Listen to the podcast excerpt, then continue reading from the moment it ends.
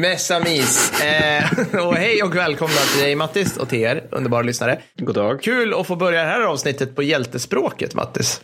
Ja, ja, franska. För äntligen får vi prata om Frankrike igen, fast lite via omvägar också. Ja, det skulle man kunna säga. Vi har ju varit eh, rätt taggade på det här eh, avsnittet för att det här har våra patreons röstat fram. Men vi lägger ändå ut det som ett vanligt avsnitt för att det var jämnt skägg, va? Visst var det så? Ja, det var jämnt skägg mellan två alternativ och då valde vi det ena som ett extra avsnitt. Men så för att de som röstade på det andra, vilket är det här avsnittet, inte skulle liksom känna sig ledsna eller försmådda så, så, så gör vi det här nu som avsnitt 38 blir det. Korrekt, jajamensan. Eh, alltså, och det här, vi hade ju tänkt det som ett, bara ett practical joke. Att så här, vi kör legionen och liksom vi säger vi kommer att bli, prata om legionen. Och så lägger vi ut sådana här bilder som inte riktigt visar leg, alltså franska främlingslegionärer. Och sen börjar vi prata och så kör vi bara om spanska jävlar. Enbart.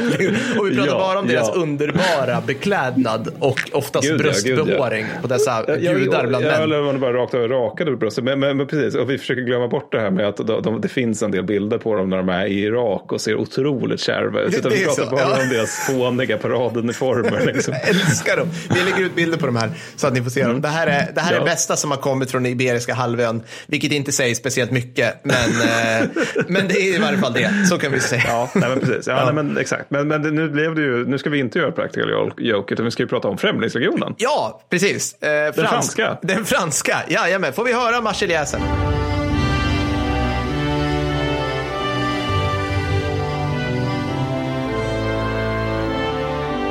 Ska säga så här också, får vi höra typ fransk, jag vet inte, får vi, alltså så här, Främlingslegionen, det här är en jävligt tacksam grej att göra avsnitt om. För de har typ en miljon marscher och typ tusen traditioner och egentligen är de ett så här statsceremoniellt förband i stor utsträckning. så att vi kan lägga in massor med typ så här trumpetfanfarer, La Legion Fanfare de 1893 säkert, det finns så här hundratal. Det finns ju säkert en med Cameron eller någonting. Alltså, Ja, ja, Le garanterat. Fanfare de Cameron eller något åt det hållet.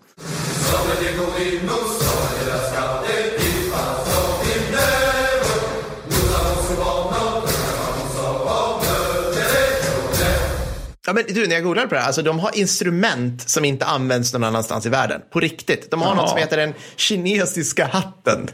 kan vi, kan Ja. vi lägga in en bild på det här sen? Alltså som är typ Det- som ett jag. slags klanginstrument som en snubbe går med så här. Och den snubben såg inte så glad ut. Jag vet inte, det var Men förmodligen... varför, varför har de det här? Eller är det liksom sånt de har plockat upp när de har varit ute och härjat Ja, men de, är och sen- helt, de kan ju inte släppa att de har varit i Afrika. Så det här är förmodligen Nej. någonting du vet som någon legionär eller någon officer då i legionen fick syn på på en basar i Kairo. Du vet eh, 1812 eller nej, det är ett Ja. dåligt år. Nej, ja, skitsamma. Någonstans där 1800-talet bara mm, aha, c'est très bien. Typ. Och så bara den ska vi med.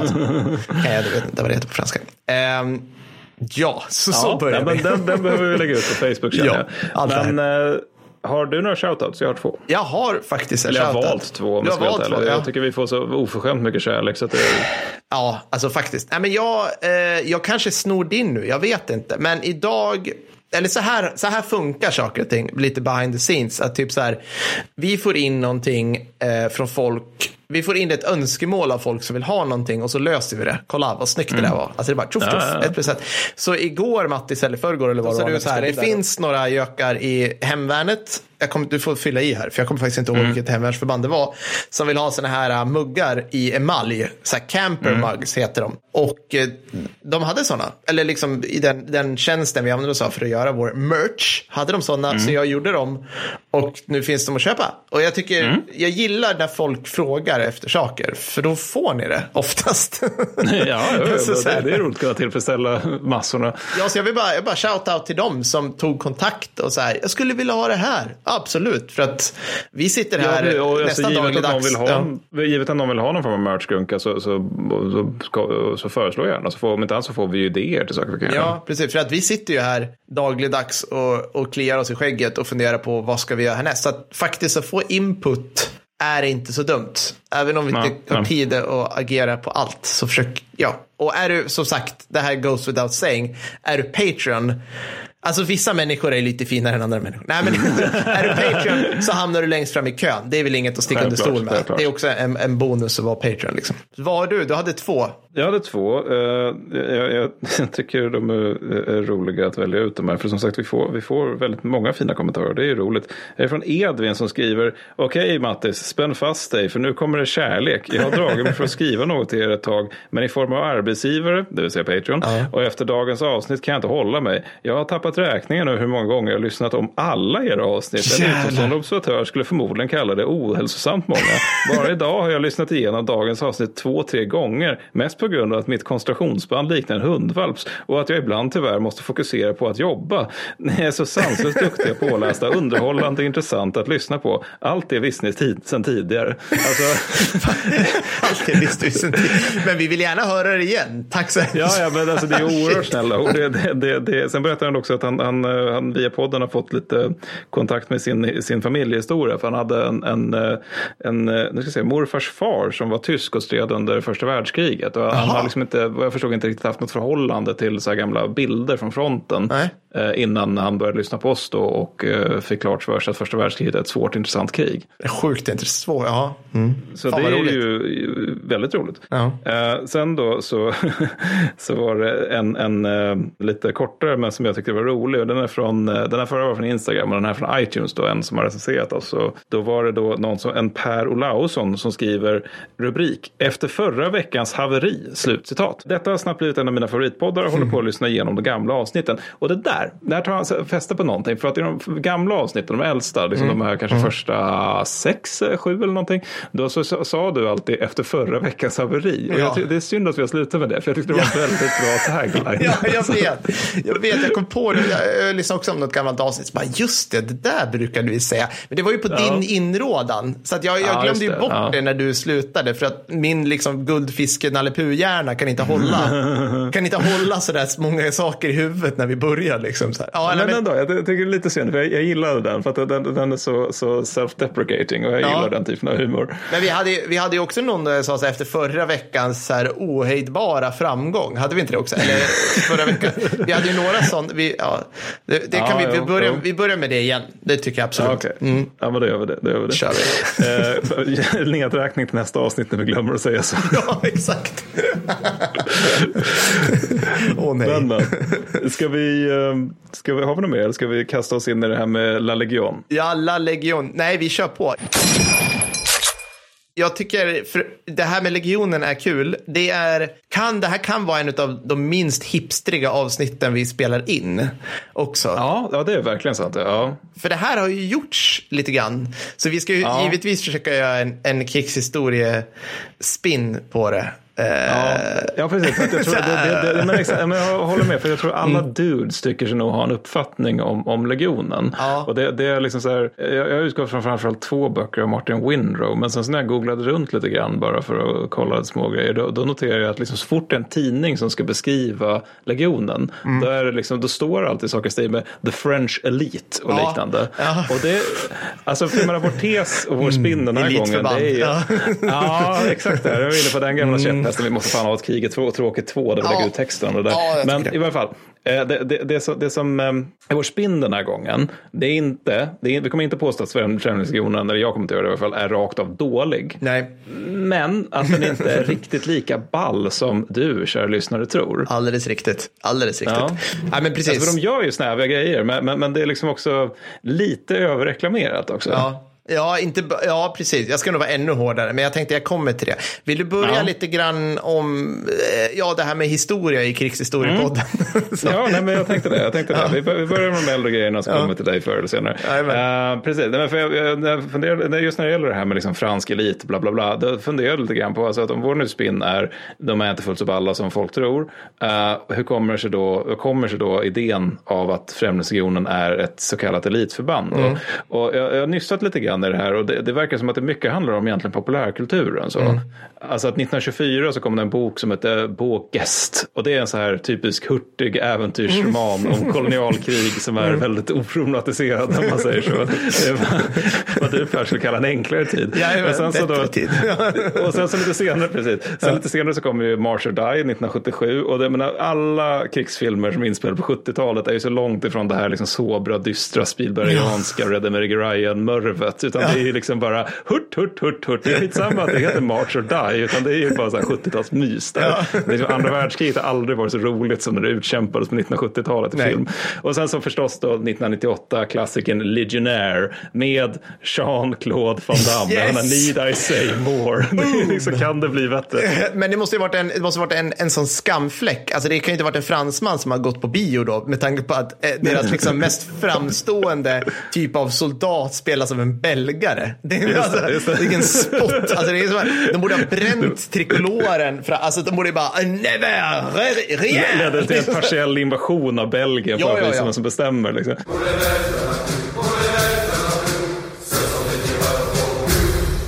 Det här är kul, för vi ska prata mer om belgarna i det här avsnittet också. Ja, det, ja, ja, det ska vi göra. Just det. Mm. Ja, men, men så, tror, så, jag tror mycket det här med att det finns i, i populärkulturen. Men så tror jag också att det är en lite generell grej. Att den här, det finns liksom en ära och glamour över det här med mm. Kepi mm. Blanc. För, för, att notera nu att de här tre exemplen som jag nämnde här. På framsidan av samtliga så är det just folk med Kepi Blanc i öknen på mm. 20-talet som mm. är, får vara framsidan på grejen. Så jag tror den där vita mössan är något för folk. Ja, och så det, det andra är också att det finns ju en ära av liksom farlig glamour med tänk, tanken på att oh, det här är folk vars förflutna vittnar att deras ja. utbyte mot ja. tjänstgöring och trikolorer, det här farliga män som har slagit i alla hamnar. Alltså, också egentligen så lite 20-talsstämning över den typen av mys. Ja.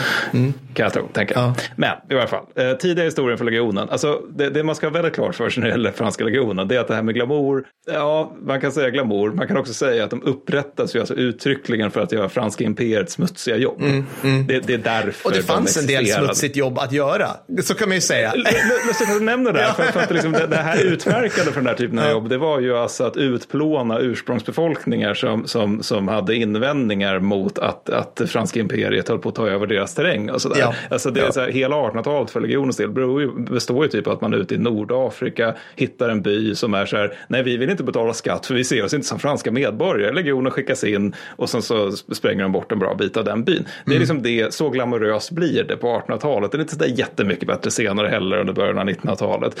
Och det som jag tycker i och för sig är lite intressant med det här det är ju att det här är ju, du vet när vi har pratat om Lennart. Mm. Oh, Lennart. Mm. mm. Lennart. Lennart. Eh, Lennart. Nu på en mugg. Jajamän. I alla fall. Nära dig. Gå in på kicksurbo.com. jag skojar bara. Uh, jag skojar inte alls. Det finns där. ja, det gör det. Nej, men, men, men, när vi pratar om Lennart så pratar vi mycket om det här med svenska arméns nationella komposition under mm. kriget. Alltså att du, du, har liksom, du har ju svenskar naturligtvis, men du har också mycket skottar och irländare och tyskar och mm. fan hans mormor. Liksom. Peter Hagendorf var med bland annat efter mm. Uh, Brighton. Och, och så, grejen är att så är det ju med legionen också. Och det gör mm. att det känns liksom lite grann som en slags kvarleva av nästan så här förmodern krigföring, alltså innan arméerna blev nationella, utan mm. snarare var internationella. För att det är, även i den moderna legionen så har du ju folk från halva världen så, som av någon anledning tjänstgör där. Men själva upprättandet, det sker då av Louis Philippe, eh, som är Frankrikes sista kung, än mm. så länge i alla fall, mm. som sätter upp den 9 mars 1831 för tjänstgöring i Algeriet. Mm. Och sen gör de det ett tag och sen så ger han bort hela det ursprungliga regementet till Span Spaniens drottning som en present. ja. För så jobbade man på den här tiden. Vilket jag tycker är härligt. Ja. Och vilket jag, jag då antar är liksom det som är dagens spanska härliga främlingsregion. I guess. Jag vet, alltså, ja.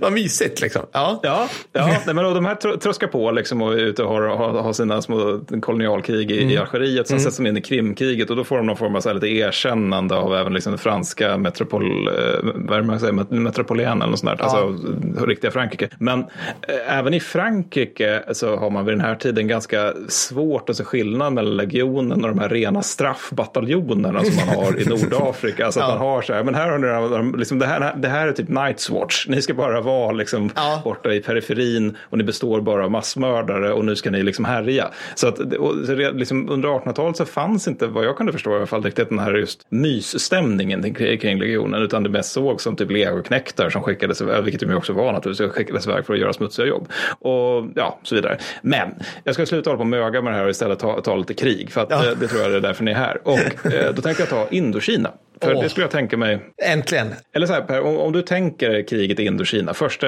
för, första indokinesiska kriget, eller det vietnameserna kallar för citat, den franska fasen. Eh, det kom två till. Tänker du dig att legionen hade någon form av närvaro där? Eh, det- ja, alltså det är väl det man tänker. Ja, det, det var dem. Så tänker jag. Ja. Så tänker man ju sig. Liksom. Ja, eller hur? Ja, nu kommer du säga att jag har fel, för det är så vi brukar bygga upp det här. Men jag, jag, går i Det är fällan. Det, Ja. det är bra. Det är bra. Men äh, lägg, ut, lägg in ljudet om björnsaxen slår igen där.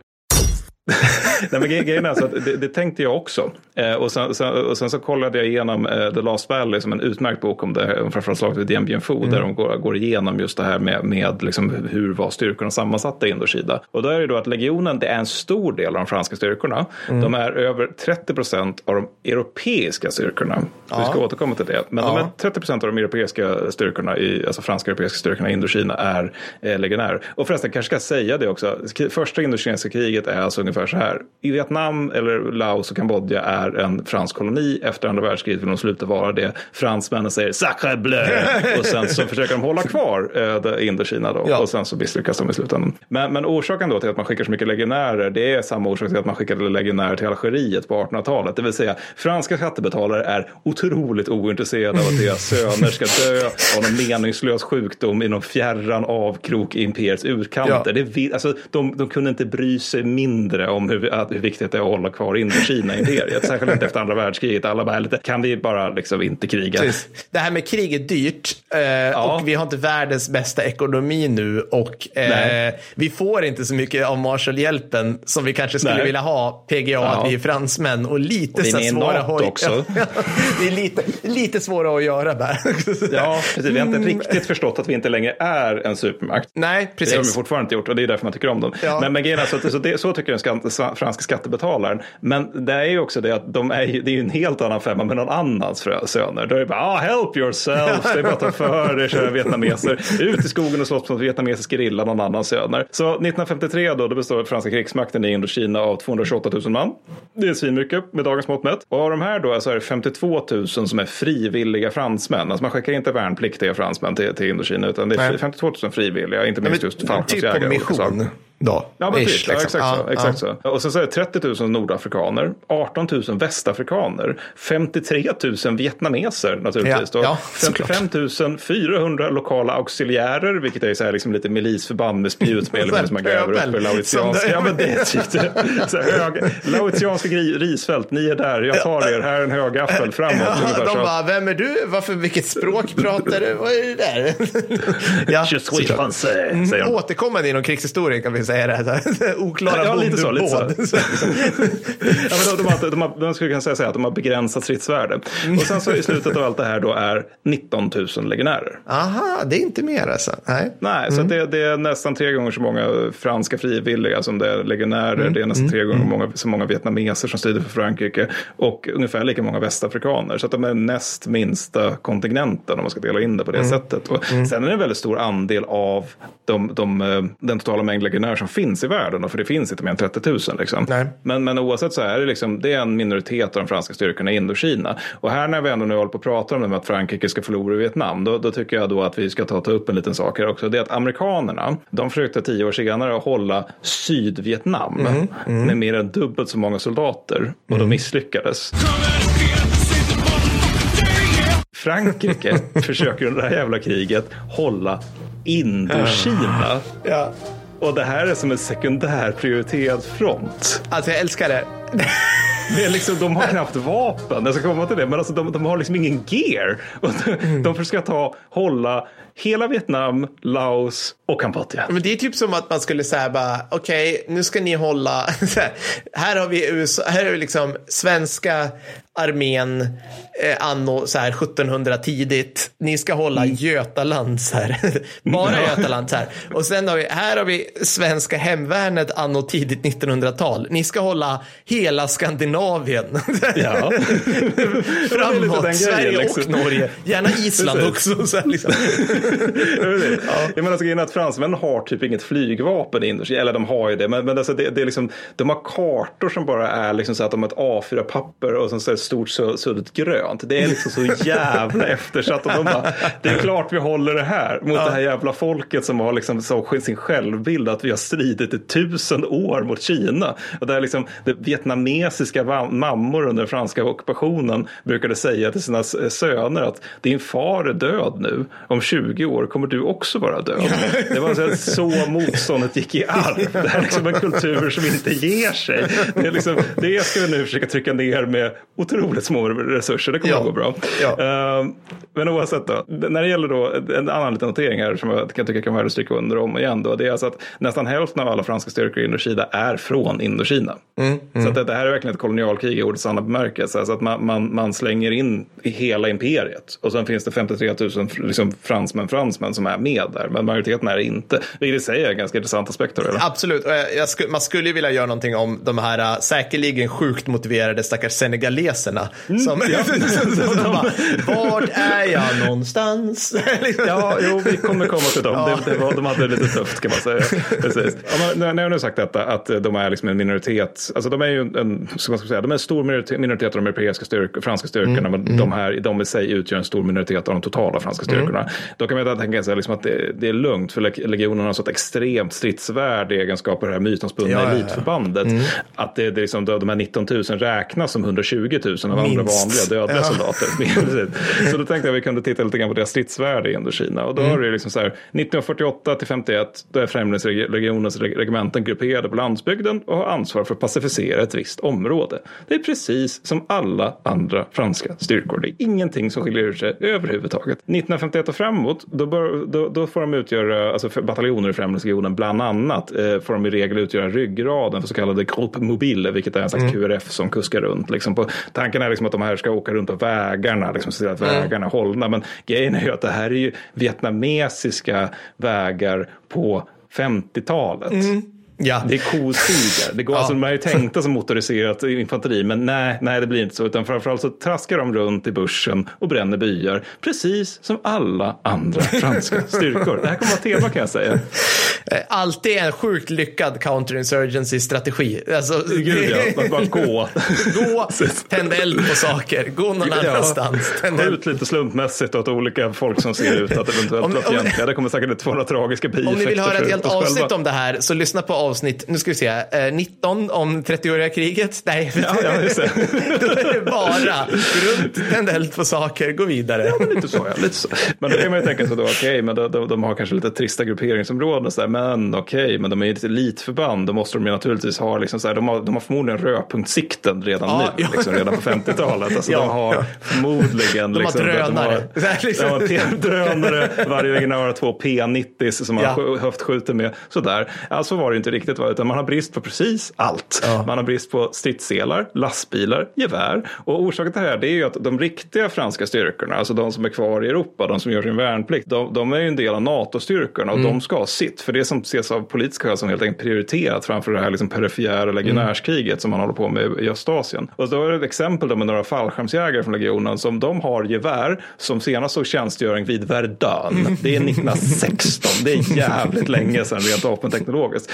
De har även kulsprutor som så tjänstgjorde i Maginot-linjen och det var Ja. 1940 så det är lite nyare då. Och det måste vara spännande, jag måste bara säga, det måste vara spännande att hoppa fallskärm med så här ett och ett halvt meter lång. Det, det, det, det är lustigt att du tar upp det där, för det gick inte. Nej, det var nej. omöjligt. Utan istället så fick man släppa dem separat från soldaterna, vilket innebär att de stackars fallskärmsjägarna var tvungna att under beskjutning då krafsa igenom djungeln till det här sitt- så att de kunde hitta sina guns så de kunde besvara fiendeelden. Det var, var det som var deras insatser. Då. De måste hitta sitt så här 55 år gamla repetergevär som de kan Ja. skjuta tillbaka mot AK47. Ja, det var det som var planen. Det fungerade Åh. svinbra. Nej, men så att det, det var lite sådär med beväpningen då. Men sen så då, när det gäller själva stor organisationen på det hela, då är det ju liksom att det var, nu är det fyra infanteriregementen, ett, Mm. ett lätt kavalleriregemente, två fallskärmsjägarbataljoner och flera specialistkompanier. Men det kan vi skita i, för att legionären som sådan i, i Indokina har beskrivit sin fysionomi och sin karaktär med följande citat. Ölmagar, skägg, framtung av handgranater och fältflaskorna fulla av vin. Och det låter ju ganska roligt om man säger det själv. Det låter som en skön kille att umgås med. Men sen då 1945 till 50 då, då är det ju också det här med att alltså, vi tänker att det är 1945 och vi tänker att det här är legionen och man blir av med sitt förflutna när man skrivs in. Vad kan vi tänka oss att vi har för folk i legionen på femårskontrakt 45 till 50? ja, men kanske folk som har en viss krigserfarenhet men som är aningen politiskt belastade. Ja, det, det, det är helt korrekt. Det, man, man, man öppnade delvis fångläger med tyska soldater som hade varit och gjort grejer i Östeuropa under andra världskriget. Och sen bara frågar man, hör ni som var med i HER och Waffen-SS, Ja. vill ni vara med i legionen? Va? Och det känns som, som en bra idé, bättre än att bli uträdd mot ryssarna i varje fall. Så att liksom 45-50, då är det ganska stor del av legionen som redan har en omfattande krigserfarenhet som säger, jag hittade ett citat där från en gammal östfrontsveteran som, som uttryckte liksom vad han tyckte om kriget i Indokina. Han beskrev det som att östfronten var förvisso fruktansvärd. Och jag vill nu komma och påminna här om att förvisso betyder ju män. Ja, så att det men. finns liksom ett men efter här. Östfronten var förvisso fruktansvärd, men Indokina, det pratar jag aldrig om. Så Oj. det var nog ganska grisigt det här kriget. Det kallas till och med det smutsiga kriget av fransmännen. Så att, ja, Shit. Och sen efter 50 så går ju deras femårskontrakt ut så att då är det liksom lite mindre den här liksom, Mm. eh, krigsförbrytarverkstan då som, som fortsätter. Men, men det är fortfarande att de finns till stor del kvar som NCOs då på olika Mm. positioner. Och sen så fr- fram till 53 så är fortfarande så majoriteten av, eh, eller ungefär hälften av legionärerna är fortfarande tyskar. Men det är alltså västtyskar som flyr arbetslöshet i, i Västtyskland i grund Mm. och botten. Och de har ju inte alls samma stridsvärde som östfrontsveteranerna för de är ju liksom, de är lika nya som alla andra. Utan istället är det de får det är att de får sex veckors utbildning i Nordafrika eh, och sen så slu- är det ut till Indokina och prao i fält.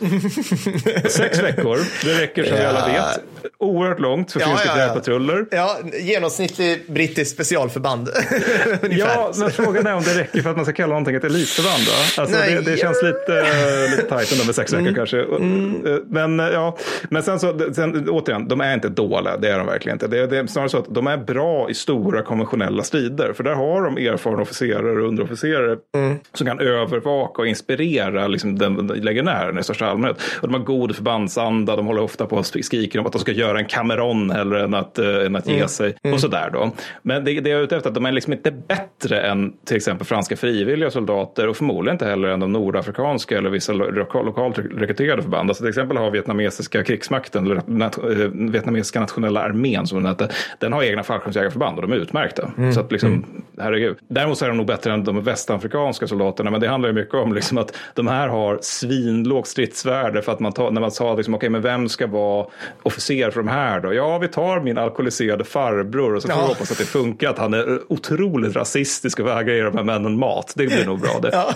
Men sen finns det ett stort undantag då, det är legionens fram, äh, fallskärmsjägare, för de har ju betydligt högre stridsvärden än gängse trattbasse. Då.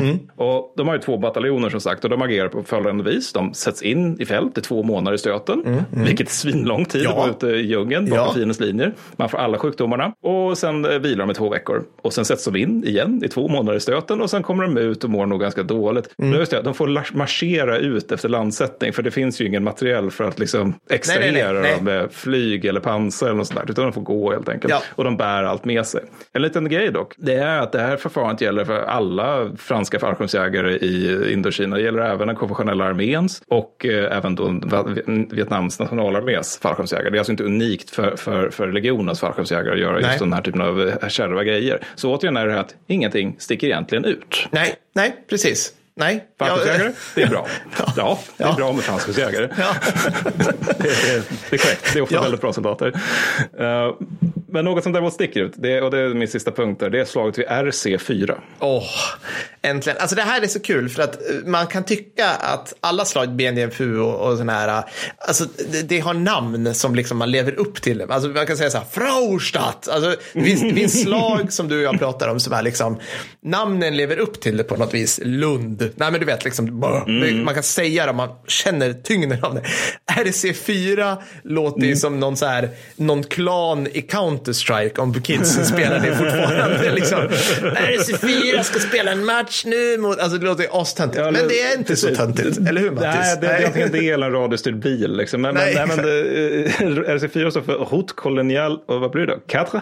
Så oui. det, det, är en, mm. det är en större väg då, mm. så, som man ville hålla då. Och eh, som sagt är de franska styrkorna beroende av vägar. Och de är ju så dåliga så att när vietnameserna bestämmer sig för att nu ska vi sabotera en väg, då brukar de ofta bara leda ett dike över den vägen och sen får vattnet gröpa ur den här vägen och så måste ingenjörssoldater komma och laga den här vägen och då blir de skjutna, för det är ja. Vietnam. Och den 16 september 1950 så intar då Viet Minh, notabene inte Viet Cong, det är någon senare grej, Viet Minh en strategiskt viktig punkt som heter Dong Ke. Mm. Det är mm. alltså vietnamesiska vi misshandlar den här gången. Mm. Eh, på den strategiskt viktiga vägen, RC4, allting är jättestrategiskt viktigt här som ni hör. Legionens första fallskärmsjägarbataljon, de släpps söder om Dong Ke den 18 september då, men lyckas inte slå sig fram till Dong Ke för att det är, liksom, det är jobbigt, det är djungel, vietnameserna är svinmånga, vad ska de göra? Så då bestämmer sig fransmännen för att nu jävlar så tar de två kolonner som sätts samman och lite löst folk och framförallt ja. icke-legionärer egentligen. Och deras grej är att de då ska slå sig mot Don Ke från nord och syd. Och resultatet är Vietnam.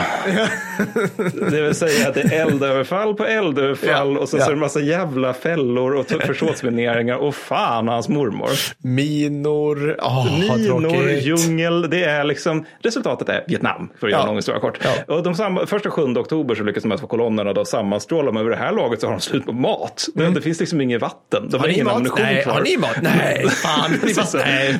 och så tanken är ju då att de ska liksom utifrån de här förhållandena ta någonting. Men det går ju inte eftersom de har mer eller mindre liksom haft slut på allting de skulle använda för att ta någonting bara för att gå till ja. någonting. Ja. Så de, jag menar, de bär sin, sina sårade vid det här laget. Ja. Alltså de, de, och många har liksom bara tappat bort sig i djunglerna. De, de har man ju liksom aldrig av igen. Så kolonna, kolonnernas chefer de inser då att okej, okay, vi kommer fan aldrig kunna ta Don Ke. Eh, istället får vi då försöka infiltrera genom djungeln och alla vidriga sjukdomar och tigrar och skit mm. eh, mot Tatke. Jag tror jag ska ta och göra en paintkarta på det här. ja, på, det var länge sedan vi gjorde en paintkarta faktiskt. Ja, uh, jag, jag, jag, kan utlova en paintkarta, absolut inte Photoshop, det är alldeles för bra. Ja. Och resultat, så de ska infiltrera genom djungeln söderut mot Tatke. Och res, resultatet av detta är eh, Vietnam. Det vill säga eldöverfall på eldöverfall på försvarsminering, på minering och så vidare. Och så vidare, och så vidare. Mycket så här vietnamesiska bajsfällor som man ramlar ner i och sådana där saker. Extremt mycket. Ja, extremt mycket. mycket ja, nej, men allt, så jag känner mig trygg med Vietnam. Ja, men hela den här liksom Lattjo lådan av helvete som vietnameserna mm. alltid liksom släpper lös på sina fiender när de kommer.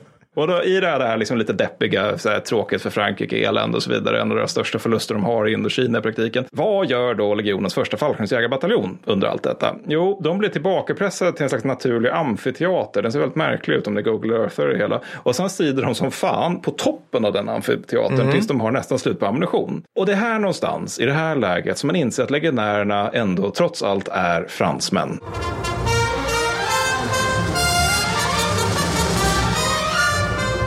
Mm. För de kunde naturligtvis i det här läget ha kapitulerat. Mm. Men det här, det här är franska ja. fallskärmsjägare ja. vi talar ja. om. Så de gör istället det enda rimliga. Det vill säga, de repillerar ner för de här 23 meter höga bergsväggarna mm. i lianer mm. med sina sårade fastsurrade på ryggen. Medan de sjunger marseljäsen. Det högst. hade varit det enda. Lägg in marseljäsen.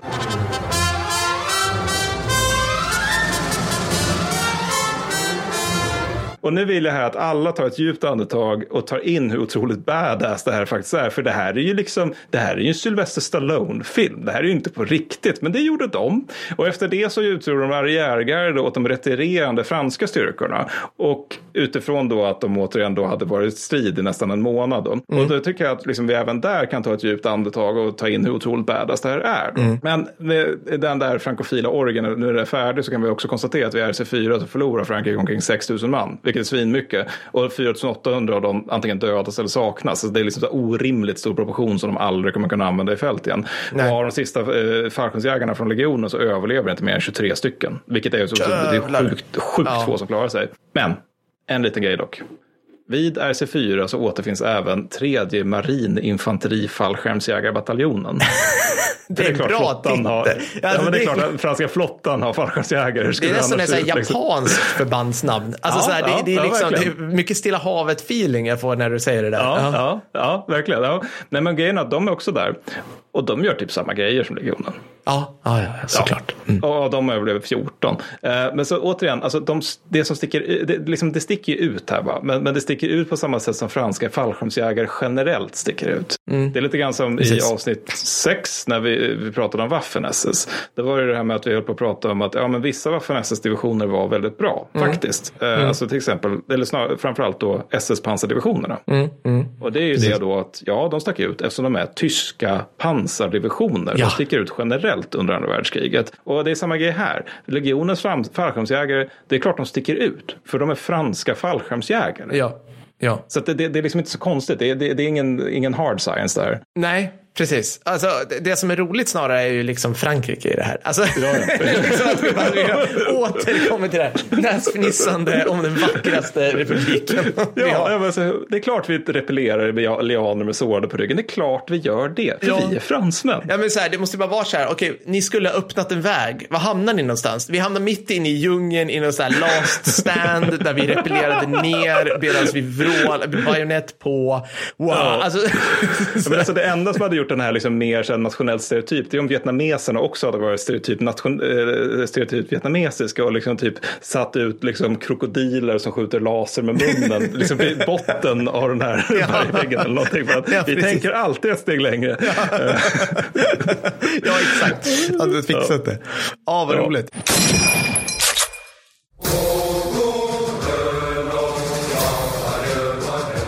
Nu bjuder den gamla legionären Jean-Jacques Gösta eh, så att säga upp till dans på hans villatomt utanför Mästocka.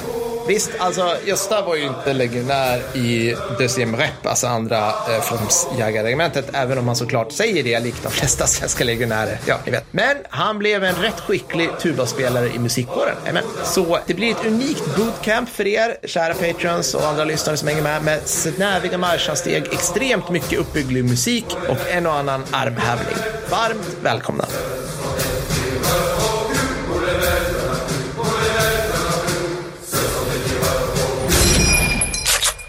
Så det var Indokina. Som sagt, Det var de Indokina. gör grejer men det sticker liksom inte riktigt ut. Så, men, men du har lite modernare grejer. Ja, en aning modernare. Vi ska hoppa fram till eh, 70-talet. Eh, och jag tänker, alltså så här, eh, eh, allting det här som ni hör nu kan ni ju sakta men säkert liksom ni, ni kommer få höra ens många, många lärdomar här nu. Men om ni ska ta med er någonting från det här så är det RC4 tycker jag. Och sen slaget om Kolsevi. För att alltså, vi älskar slag här på Krigsstorypodden. Och vi älskar framför allt att liksom berätta om hur spännande det här kan vara. Nu blir det fler fallskärmsjägare, vilket jag älskar. Okej, så att slaget i Kolsevi. Och Mattis, vet du vilket land? Alltså så här, äh, jag är, det här. Vi är tillbaka i Kongo. Så att inte nog med att vi får prata om Frankrike i det här avsnittet. Vi får prata om Kongo. Alltså detta. Vi borde ha en Kongo-jingel.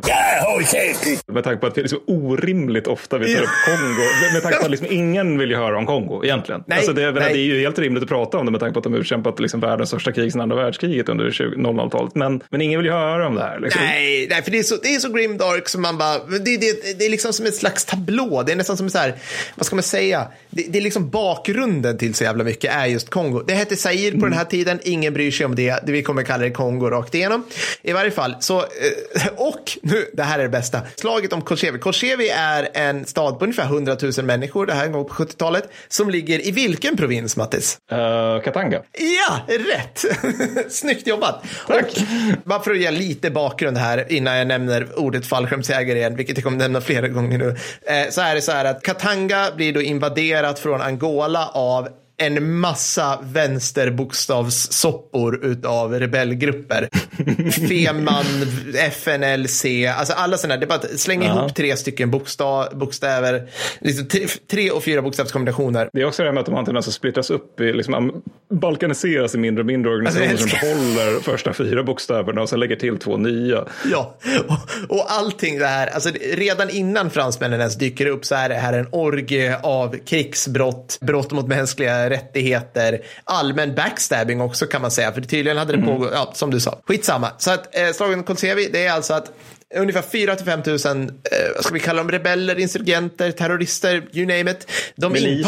inta- Milis, tack. Pff, där. De, de är re- relativt tungt beväpnade för de har fått eh, vapen av typ Sovjetunionen och USA i omgångar sedan 50-talet, PGA Kongo och ja, ni vet. PGA kalla kriget. PGA Alltså. kalla kriget. Liksom, så här, Det är bara att ge väldigt- folk vapen. Ja, ja alltså de, de bara har grejer. Liksom. Så de, de har ungefär Ja. 5 000 man och 3-4 pansarbilar som bränner runt i Kolchevi. Har tagit 3 000 europeer som gisslan. Och då frågar sig den, den kloka lyssnaren, vad i helvete gör européerna där? Jo, för att i och med att det här är liksom, alltså Kongo slutar ju aldrig att vara ett spel ett parti diplomacy eller, eller realpolitik. Så det handlar Mm. ju givetvis om så här resurser som finns i Kongo, Kongo finns. Alltså nu i talande Mm. stund med kobolt säger jag, eh, drar jag till med. Jag vet inte, är kobolt en riktig, det känns som Ja. så påhittad. Ja, men jag blandar ofta ihop det med koltan. Det, det är endera som det finns eh, typ så här, nästan alla av det i, i Kongo. Ja, okej. Mm. Och jag tror om det är koltan kanske. Alltså, så här, det, finns det ytterligare två kilo under en shetlandsponny på Island. Liksom. Alltså, men, men, resten finns i Kongo. Ja,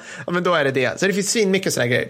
Så de vill ta över eh, Katanga av olika anledningar. Det här är också en, eh, alltså slaget om Kosevi är också en fortsättning på eh, Shab, alltså man kallar det här för Operation Shaba 2 för att vid det här laget så liksom man har fattat, det här är slutet på 70-talet, man har fattat att så här, Kongo är och kommer fortsätta vara ett shithole country för att citera den bästa presidenten. Fake, fake, disgusting news. Alltså över tid. Alltså det, kommer, det, kommer, det bara en sån jävla röv. Det, det är ett hål. Det är ett hål av mänskligt lidande. Så vi har lite sådana här rullande operationer med jämna mellanrum där FN är med och vi skickar in så här Safariklubben kallar man det, vilket var ett gäng afrikanska länder som skickade dit lite Okej, så här, ja. ja men du vet, marockanska instruktörer, alltså la la la liksom. Så det här är Shabba 2. Shabba 1 då, kan ni tänka er då, frågan er kloka lyssnaren, i- händer ingenting där när man skulle liksom få ut de här rebellerna? Den var, Shabba 1 alltså, den operationen var, och jag citerar en amerikansk överste, eh, en komisk opera. Alltså, kort, kort, kortfattat kan man beskriva den som att man tänkte att den kongolesiska armén, FNIS nivå 1, Ja, ja. understödda av marockanska rådgivare, FNIS nivå 2, plus förmodligen rasister, skulle hålla och pacificera eh, Katanga då, mot Ja. de här 10, ja, då, 5-10 5-10 000 relativt väl, väl, välbeväpnade rebeller. Med en stor grupp rådgivare från, vilket land då Mattis? Eh, Frankrike? Nej, Kuba såklart. Alltså Ja, ja, vänstergerillan. självklart. självklart ja. ja, men bra.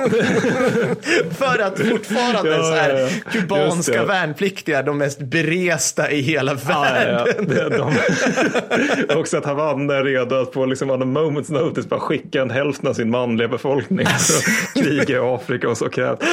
De borde ju verkligen få så här MVP of the communist world. Kuba, liksom alltid redo.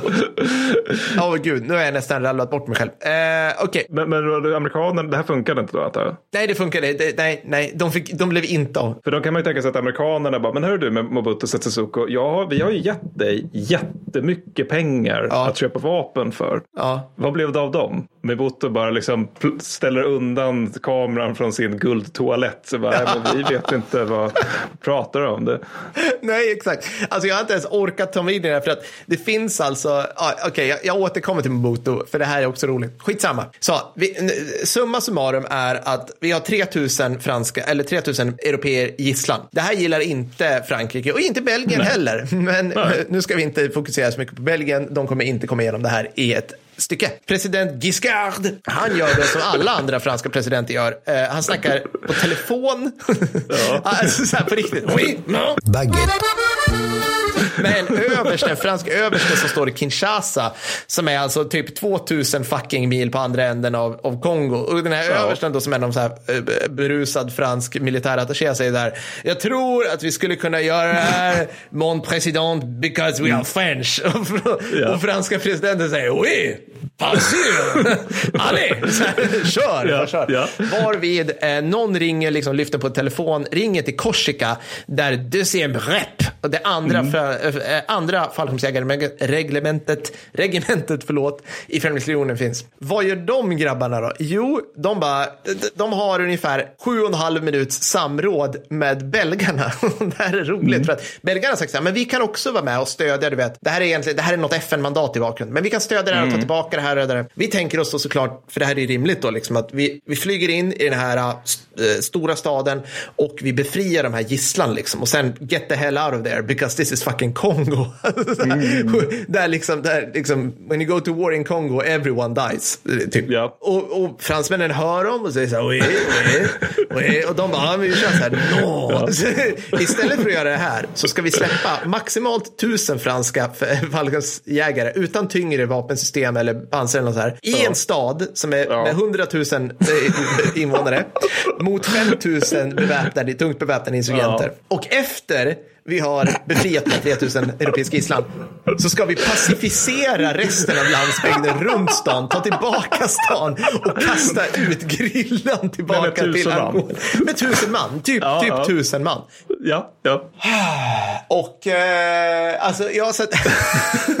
Bara fransmän som först. Alltså det är så jävla... hur, ska, hur ska det här kunna vara ett problem? Det är det fransmän. Ja, och liksom så här, ja men bryr ni er om de här som, alltså, nej men okej okay, det finns några fransmän i gisslan men framförallt så vet vi att folk i den här delen av världen har någon gång brytt sig, har någon gång pratat franska, vilket gör att de ingår ju såklart på något vis i franska klubben.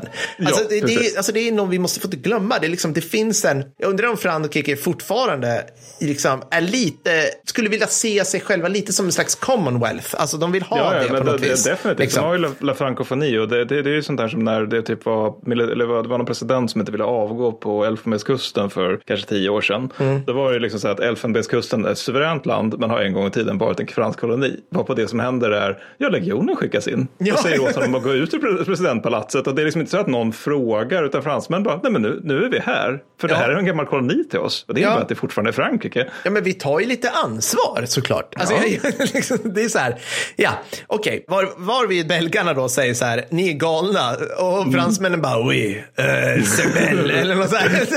det är vacker galenskap. Uh, så, så att, uh, och, och belgarna då, sina livrädda parakommandobataljonen eller något sånt där, följer efter fransmännen. Fransmännen liksom rollar ihop hela det här spektaklet. För obs, alltså de har inga pengar i Frankrike för att göra det här. De har inga, det är ingen taktisk transportflygkapacitet över, över sådana här stora områden. Så att de frågar jänkarna och jänkarna bara, ja, alltså, såklart. för, för det är ju liksom kul att berätta på mässen sen, liksom sen när man är hemma.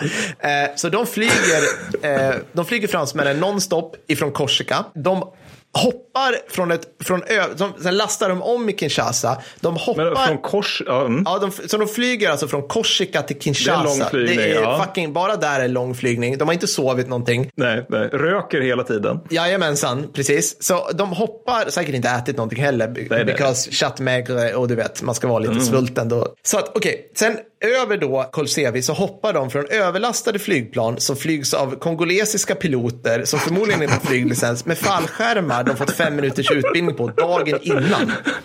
För att alltså, de fick inte med sig sina fallskärmar så väl i Kinshasa så bara eh, okej okay, hur ska vi göra här? Här ligger några gamla amerikanska fallskärmar från andra världskriget. Kan du där amerikan som råkar stå här på plattan och tjuvröka kan du ge visa oss hur man gör? Han ja. bara ja. ja. eh, jag tror inte det här uppfyller liksom säkerhetsklassen idag nej, för hur nej, man genomför. Nej. nej. Så att de, släpp, de släpper första bataljonen ner över en hippodrom i staden Kolchevi. Och jag tror liksom att man tittade sig upp och bara, vad fan håller de på med? Alltså, det, är liksom, det, är hund, det är en stor jävla stad liksom. Så ja, ska tillbaka med några tusen. Det är typ Linköping, alltså det är Södertälje. Det är en medelstor svensk stad som de ska ta med tusen pers och ja. några livrädda belgare. Ja, det sjuka kommer nu. För att alltså, ja. jag kan liksom inte ens, jag kan, jag försöker, det, finns, liksom, det finns tre bilder från hela operationen. Jag har tittat på de här och de säger mig inte så mycket. Men det som händer nu är att en fransk fallskärmsjägare hoppar fel. Eh, mm. Eh, landar utanför hippodromen, blir dödad. Eller han landar någonstans. Mm. Ja. De andra fransmännen, och det här är någonting med liksom legionärer också. De bara, mm, nu är vi här.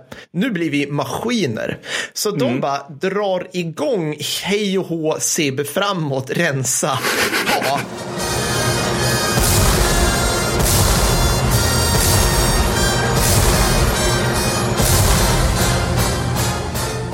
Typ ja. hela jävla stan basker på. Med k-pist, stridshängslen, typ alltså så här basker och bara Wii! och bara shottar.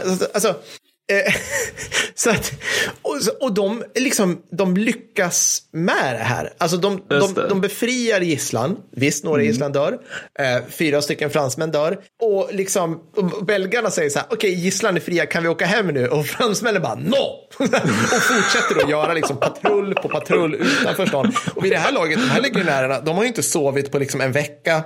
Nej. De, har, de har ätit liksom, de har typ ätit en rå kyckling som de snodde från gatan i Colosseum. liksom, raidat någon spritbutik, är förmodligen dödsfulla. Men liksom bara är, är såna jävla extremt välutbildad lätt infanteri. Och det, det är mm. liksom, när man tittar på det här, jag, jag tänker på Falklandskriget lite grann. Att liksom, du har så bra soldatmaterial som är så jäkla, alltså, ja men som bara switchar på lite grann mm. när det är det. Så att de bara löser, löser biffen hela vägen fram. Eh, så att jag, jag blir helt, man, man läser om liksom Colosseum och blir helt så här, man blir helt så här matt över äran och förtjänsten också.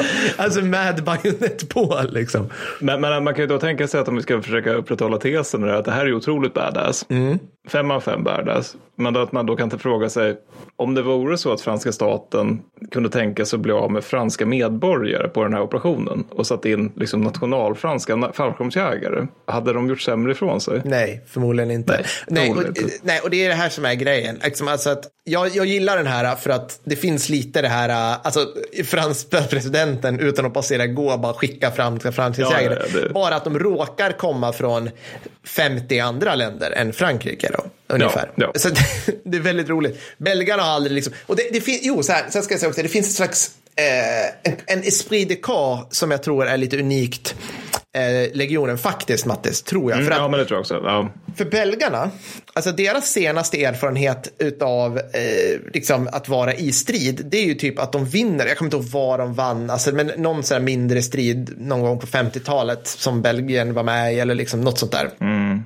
Eh, franska eh, Deuxième Reps senaste krigsinsats, det var ju i BNDM Fou ja, som de har tokförlorade. Så de, det är liksom ja. på något vis att de, de, bar, de bar ädla eh, förlusten med sig. Inte för att de mm. ville förlora, men liksom för att vi har den här, vi hade liksom BNDM Fou, vi vet hur vi ska förlora om vi måste förlora, vi tänker inte förlora. Och sen har vi det här, det här eviga legionen eh, liksom med Cameron. Så mm. Jag vill säga Decameron, men det är, en, no, det är något annat. Det är något annat, ja. Eh, så det är coolt. Jag, jag gillar ja, det. Var det ja. coolt. Det, det. och just det, sista grejen, Mobutu också. Eh, det kom ju fram sen att han hade hetsat fram avrättningarna av några europeer så att han skulle få hjälp eh, av militär och bistånd.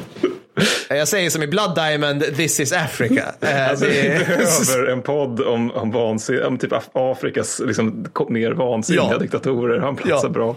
Alltså, men, men du, du hade väl lite grann också om hur det är idag med legionen? Alltså apropå det här uh, elitgrunkan. Ja, men precis. Alltså, okay, så vi hoppar till idag då, om du som kära lyssnare sitter och funderar så här, mm, kan, legionen, det kanske är någonting. Man ska vilja ha några grejer med sig, att så här, de är duktiga.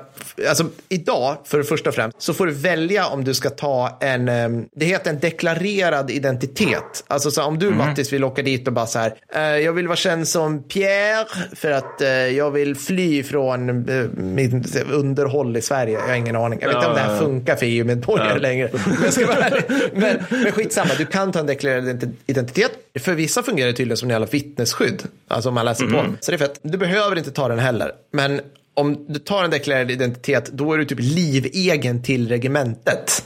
Alltså ja. för att du kan typ inte ta, du kan inte ha ett bankkonto i Frankrike, du kan inte ha mobil, du kan typ inte köpa dator. Alltså de håller svinbra koll på, din, eh, på ditt liv. Däremot så har man märkt nu att det här extremt hjärntvättande sättet, alltså att liksom få folk att bara leva innanför legionens murar mentalt och fysiskt. Det är sjukt svårt för att alla har fucking mobiler. Alltså om du, ja, visst, visst, ja. om du är en bonde från Filippinerna som tar, liksom, du vet, gått runt i flipsare eller livet bott på en, ute i djungeln och så åker du till legionen, du har fortfarande mobil så du kan ringa ja, hem till ja. Filippinerna. Och det är svårt liksom att... Precis, men du kan ju liksom kolla på Facebook och titta, finns det andra arméer som också är duktiga och sånt där. Men man kan inte, alltså för jag tänker, en del med den här tanken med elitförband, det tror jag handlar mycket om att, att förbanden själva ser sig som elit, ett elitförband. Alltså ja. att det handlar mycket om liksom den här andan inom ett förband. Jag menar, den är ju naturligtvis positiv. Om man ser sig som ett elitförband kommer man förmodligen ha lite råg i ryggen när man går i strid. Liksom. Men om man då liksom, och det, och det känns ju som lättare att inympa det i ett förband på liksom 1830-talet. Mm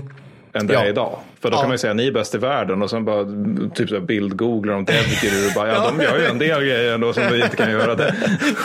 ja men typ, alltså, så att det är roligt. Idag är det också, jag tror det kan vara lite svårare att komma in. Det är ungefär en av åtta ish som kommer in. Däremot om du som lyssnar på det här pratar förmodligen då svenska eller förstår svenska så är du en av de här som legionen faktiskt verkligen vill ha.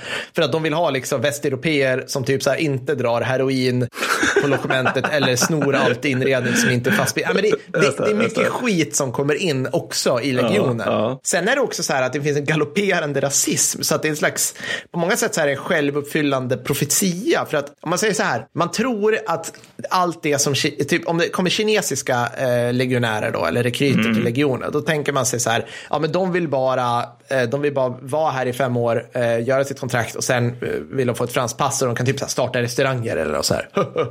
så här skrattar de franska.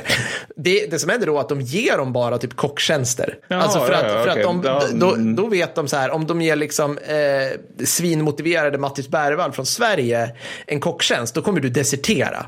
För det är Ja. inte omöjligt att desertera. Är återigen, det är ju en globaliserad värld så det är väl bara att gå över gränsen till Ja, men Tyskland typ och säga hej. eh, Exakt, så att, så att det är mycket sådana grejer, liksom att de, de, förs- de vill ha kvar den, de grupperna som de, som de ser som attraktiva och skiter i alla andra i princip. Alltså så här, Sydafrika, eller vad säger jag, sydafrikaner, sydamerikaner, asiater, afrikaner, alla de där är så här, ja ja, ni, ni, vi vet att ni kommer ta, ni är typ glada över att ni får liksom mat, nej men liksom i viss utsträckning. Så vi ger er de här icke åtråvärda positionerna, medan liksom ja, svenskar, norrmän, skandinavier, de får, liksom, de får mer i större utsträckning i det de pekar på. Så att det finns ju någonting i det du och jag har sagt, liksom att det verkar som att alla svenskar som någonsin varit i legionen blir, främlings- äh, blir liksom fallskärmsjägare.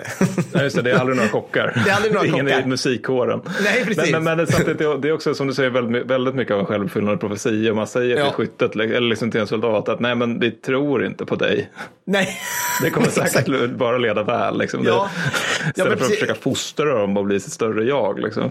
Ja, exakt. Och sen finns det liksom, det här är, alltså det här är ju eh, återberättat från legionärer i legionen då, hur det har varit. Att liksom, ja men typ att, det, man, man säger ju att legionen ska få de bästa officerarna, de bästa franska officerarna från liksom mm. Saint-Cyr och sådär. Men och det kan säkert stämma, men de har extremt hierarkisk liksom, syn på sina legionärer. Så att det är väldigt stor distans där, vilket gör ju att det inte blir så jättebra ledning alla gånger. heller, nej, nej, liksom. nej, nej. Ja, alltså sen är det liksom också så här att du kommer komma dit, du kommer om du, om du har gått igenom en, en prioriterad svensk värnplikt, då kommer du ha gjort mera än vad du kommer att göra som typ en fransk värnpliktslegionär i random schmandom skyttebataljon. Och det där är ju intressant för det, det, det är ju liksom i så fall inte ett elitförband. Givet Nej. att man inte bestämmer sig för att hela svenska värnpliktsarmén är ett elitförband eller en elitarmé. Ja, det, det, det, är så, det är så konstigt. Alltså, det, det, är liksom, det är väldigt låg nivå. Det är liksom eh, om, pluton, linje framåt, understöd där, möjligtvis kanske en omfattning eller två. Alltså Mm. Stridsskjutningar på relativt låg nivå. Du har framför allt också, också liksom att så här, man ska bara göra det man ska göra. Alltså det vill säga, Mm.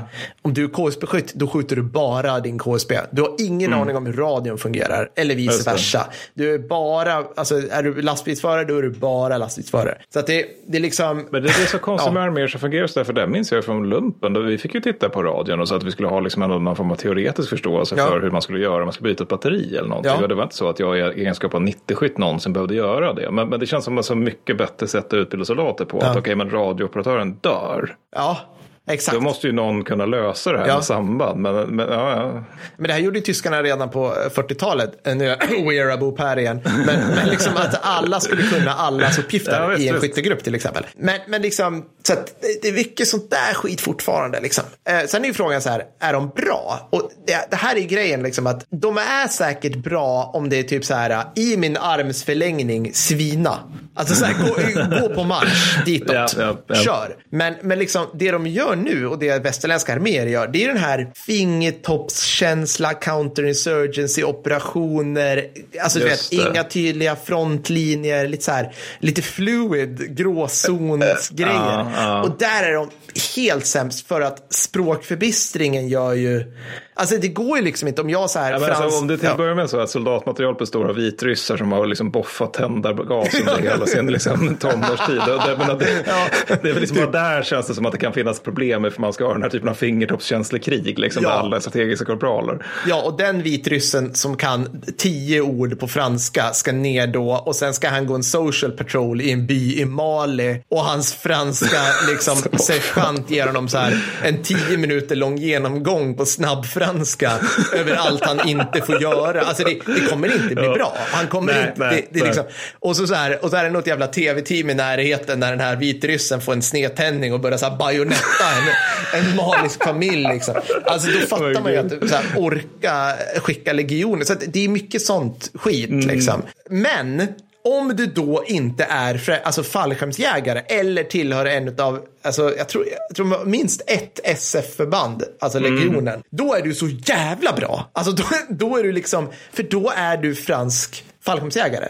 Då Ja, är det, du ja. Mm. västerländsk specialförband. Och då, alltså, då plockas du ju från liksom, de här fyra väggarna som är legionen och börjar gå skolorna. Just. Alltså så här, det är inte så att fallskärms, alltså så här, alla andra länder, nej jag ska inte säga alla, men stora västeuropeiska länder, alltså eh, Frankrike, Tyskland säkert, framför allt eh, Storbritannien och a- allra eh, mest USA, de har ju liksom skolor och centra där de liksom utbildar så här, okej, här har vi fallskärmsutbildning, det går liksom, här trycker vi igenom tusen pers i månaden, typ.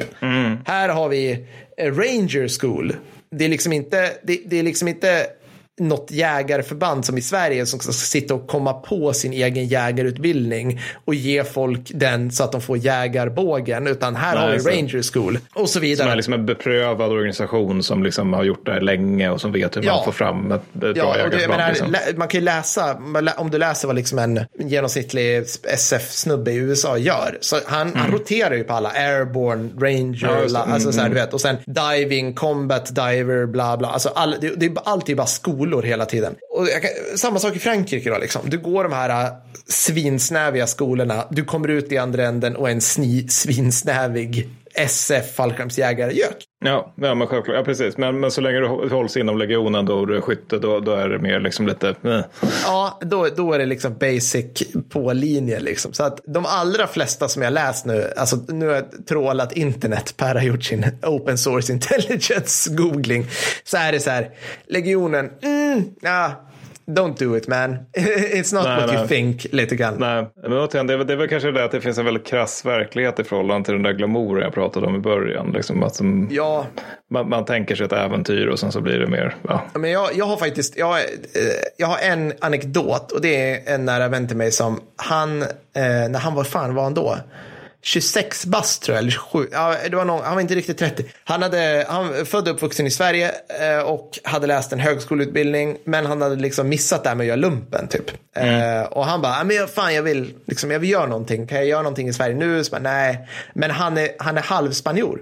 Så han åkte ner, han åkte ner till Spanien och tog värvning i spanska armén. Ja. Eh, och, mm, alltså, jämförelsevis, liksom så här, vad, vad kan vi dra för parallell där? Liksom, är det lika legionen? Ja, men kanske lite. Jag kan tänka mig att det är typ lika för att han berättade liksom att på det här regementet så tog de emot folk alltså från resten av spanska imperiet, alltså spansktalande liksom. Ah, Som de, ja. Och de sa ju åt honom, där befälen där bara, du har ett, alla framtänder, två, du har hög- högskolepoäng, tre, Ja. du har ingen brottslig bakgrund, ja, men vet, fyra, du har, du har redan nu ett europeiskt pass. Vad fan gör du här? Alltså, Officersämne. Ja men typ så här. Men det var liksom, jag, vet, jag gissar att de sa det till honom. Jag har ingen aning. ja. Liksom. Så eh, jag, jag misstänker att ha liksom jag, jag, jag misstänker att de flesta som lyssnar på det här, om de bara åker ner dit, skulle typ tycka så här, vad är det här för jävla... För det är också, extremt mycket är inte, alltså du önskar kanske så här,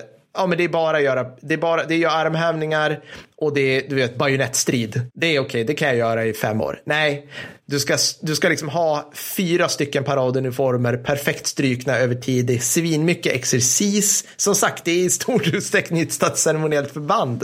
Ja, får visst, faktiskt visst. säga.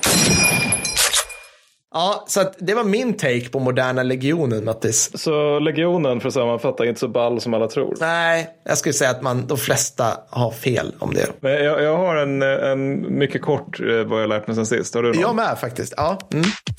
Say what? Vad du har lärt dig sen sist. Ja, men jag, jag, jag har lärt mig en sak sen sist och det, det var att eh, min systerson skulle ha ett eh, prov eh, i, eh, eller ja, det här är faktiskt inte sen sist, det är sen i våras, men, men eh, han skulle ha ett prov i historia i nian. Och då var det i början av nian och då man går igenom i början av nian är första världskriget, det man går igenom i slutet av nian är andra världskriget och sen är historien slut enligt högstadiehistorien. Det stämmer. Eh, oavsett då så var, hade de ett prov då och de hade en fråga på det provet om första världskriget och det var berätta hur första världskriget började och vad det ledde till. Det är alltså, första världskriget får liksom inte vara en historisk Gustav händelse. Fridolin, jag kommer aldrig förlåta dig! Nej, men alltså, då, det, det, är liksom, det får inte vara en historisk händelse för att folk tycker att det är så tråkigt. Och det är klart folk tycker det är tråkigt om ingen vet vad, alltså vad själva kriget var. Och det bara är liksom att ja, det var någon transportsträcka där där miljontals människor dog. Men framförallt så ska vi reda ut här att eleverna ska förstå varför började det och vad ledde det till? Inte så här, finns det ett skäl till att britterna och fransmännen fortfarande är helt jävla fucking traumatiserade av det här kriget hundra år senare? Det, det, det är helt oviktigt. Var, var, varför ska vi lära oss om världen? Vad är det för någonting? Dessutom, vi ska ju lära oss om andra världskriget. Vi får lära oss att de tre avgörande slagen var slaget vid Midway, slaget vid Stalingrad och slaget vid El Alamein. Det vill säga nej, nej, byfight. För det dyker upp på typ alla högstadieprov i historia. Så det har jag lärt mig sen sist. Stackars Oh första världskriget. Men det är kanske är därför folk tycker att vi är roliga. För att vi, när vi pratar om första världskriget. Just för att det ingen annan gör det. Nej. Att alla andra pratar om varför började det? Vad ledde det till? Alltså, eh, men herregud, den här stackars... Så efter att då din systerson hade skrivit tre böcker, eh, doktorerat i historia så, Mm. och kanske hade svarat på hur började första världskriget. Mm. Alltså, liksom, Alltså, han frågade mig. ja. Och du bara, hur många dagar har du på dig för det här? Så här. Sätt dig ner. Så här, precis. Fy fan. Ja, usch. Det där är, ja. Jag har någonting helt annat. Jag har, jag, här, det har jag lärt mig sen sist och det här är lite roligt för att vi pratar ibland om eh, att, du vet, Mattias, tidigare avsnitt har vi snackat om att existentiella krig, det här krig Ja. för sin egen överlevnad, att det, det ser vi ju inte riktigt längre och att nu idag så, liksom dagens krigföring, vad ska jag säga, så har man behovet av legionärer, alltså romerska legionärer som kan liksom man the wall som ingen bryr sig om. Och jag menar, Främlingslegionen här är ju perfekt exempel på just det. Men då, då, då skummade jag en rapport ifrån en så här eh, amerikansk think tank, defense think tank. De har ju 300 stycken. Ja, ja, och den här har gått loss i liksom, hur ska vi försvara Baltikum? Och det är ju en jävligt intressant fråga. Alltså det, det är ju en nöt för NATO att, att liksom Ge att alla ett varsitt stämjärn så har vi pansarvärn. Ja men typ, alltså det, de, bara, de, bara, alltså, de, de bara, det går typ inte. Alltså det, det är så jävla svårt. Det finns inga naturliga hinder typ in i någon av de tre staterna. Det finns lite skog i Litauen, men det är liksom, det finns, Mm. alltså, utan då är det bara så här, det första de kunde komma på, jag gillar den, liksom, det är så här, för att vara amerikaner, alla i Baltikum ska göra två års värnplikt. Men, men det är ju, alltså, då börjar jag känna Ja, så här, ja, ja. det stämmer. Det stämmer fan, för att liksom ingenting bygger ju folkdjup och liksom försvarsmöjligheter som inte ett år utan två års värnplikt. Herre jävlar. På Ja, två nej. år då hinner du faktiskt lära dig en hel del. Liksom. Det var ju man hade innan första världskriget. Alltså, det, det var ju, då hade de tre års värnplikt i vissa länder. Det är helt sjukt. Liksom. Ja, men, jag, men jag kan tänka mig så här, för jag menar, i andra länder så är inte det så konstigt. Jag tror de har minst 15 månader i Sydkorea till exempel. Och de är ju verkligen också då, eh, alltså, under existentiellt hot. Jag vet inte, jag tror, under hur lång tid de har i Israel, det vet jag faktiskt inte. De är också rätt långa, jag minns inte hur långt det är. Men det, men det är också att det, det, den är längre än de här åtta månaderna jag fick glädje emot som tapper F-soldat. Just det. Ja, ja, fan, alltså sjukt. Så det är väl det. Ett peppigare avsnitt om legionen tycker jag. Ja, det tycker jag med. Eh, Ja, nästa gång kör vi bara spanska. Nej, det gör vi. Det dåligt, Nej, men vad ska vi prata om nästa gång? Strid till sista man, alltså last stands, Mm. ska vi ge oss på. Ehm, för det är hett, har vi förstått. Och vi tror att, ja, Mm. Det tror jag ja, kan bli intressant. det tror jag också det kan bli. Det, det är en ny ingång för oss i varje fall. Det ska bli jävligt roligt. Mm, mm. Det blir ju också i praktiken att vi beskriver bataljer utifrån för, förlorarnas perspektiv. Eftersom det är Ja. så intressant att, att beskriva de som inte stred till sista man i sista mannen-slaget. Utan de som tog död. Alltså det, det, det blir ju kul. Nej, precis. Nej, jag ser fram emot det. Ja, ja, men det blir skitbra. Som vanligt, man kan mejla oss om ni vill någonting som jag sa i början och ha förslag och allting till kickstorypodden gmail.com, podden med två D. Vi finns på alla sociala medier, nej inte alla, eller typ, vi finns inte på Snapchat än, Eller TikTok. eller TikTok. Det är bara bassar och porr på TikTok. Jag har ingen aning. Vad, jag vet inte vad TikTok är. Eh, Jag är så jävla gammal. Gött. Eh, bra. Vi hörs Ha det bra. Hej då. Hej då.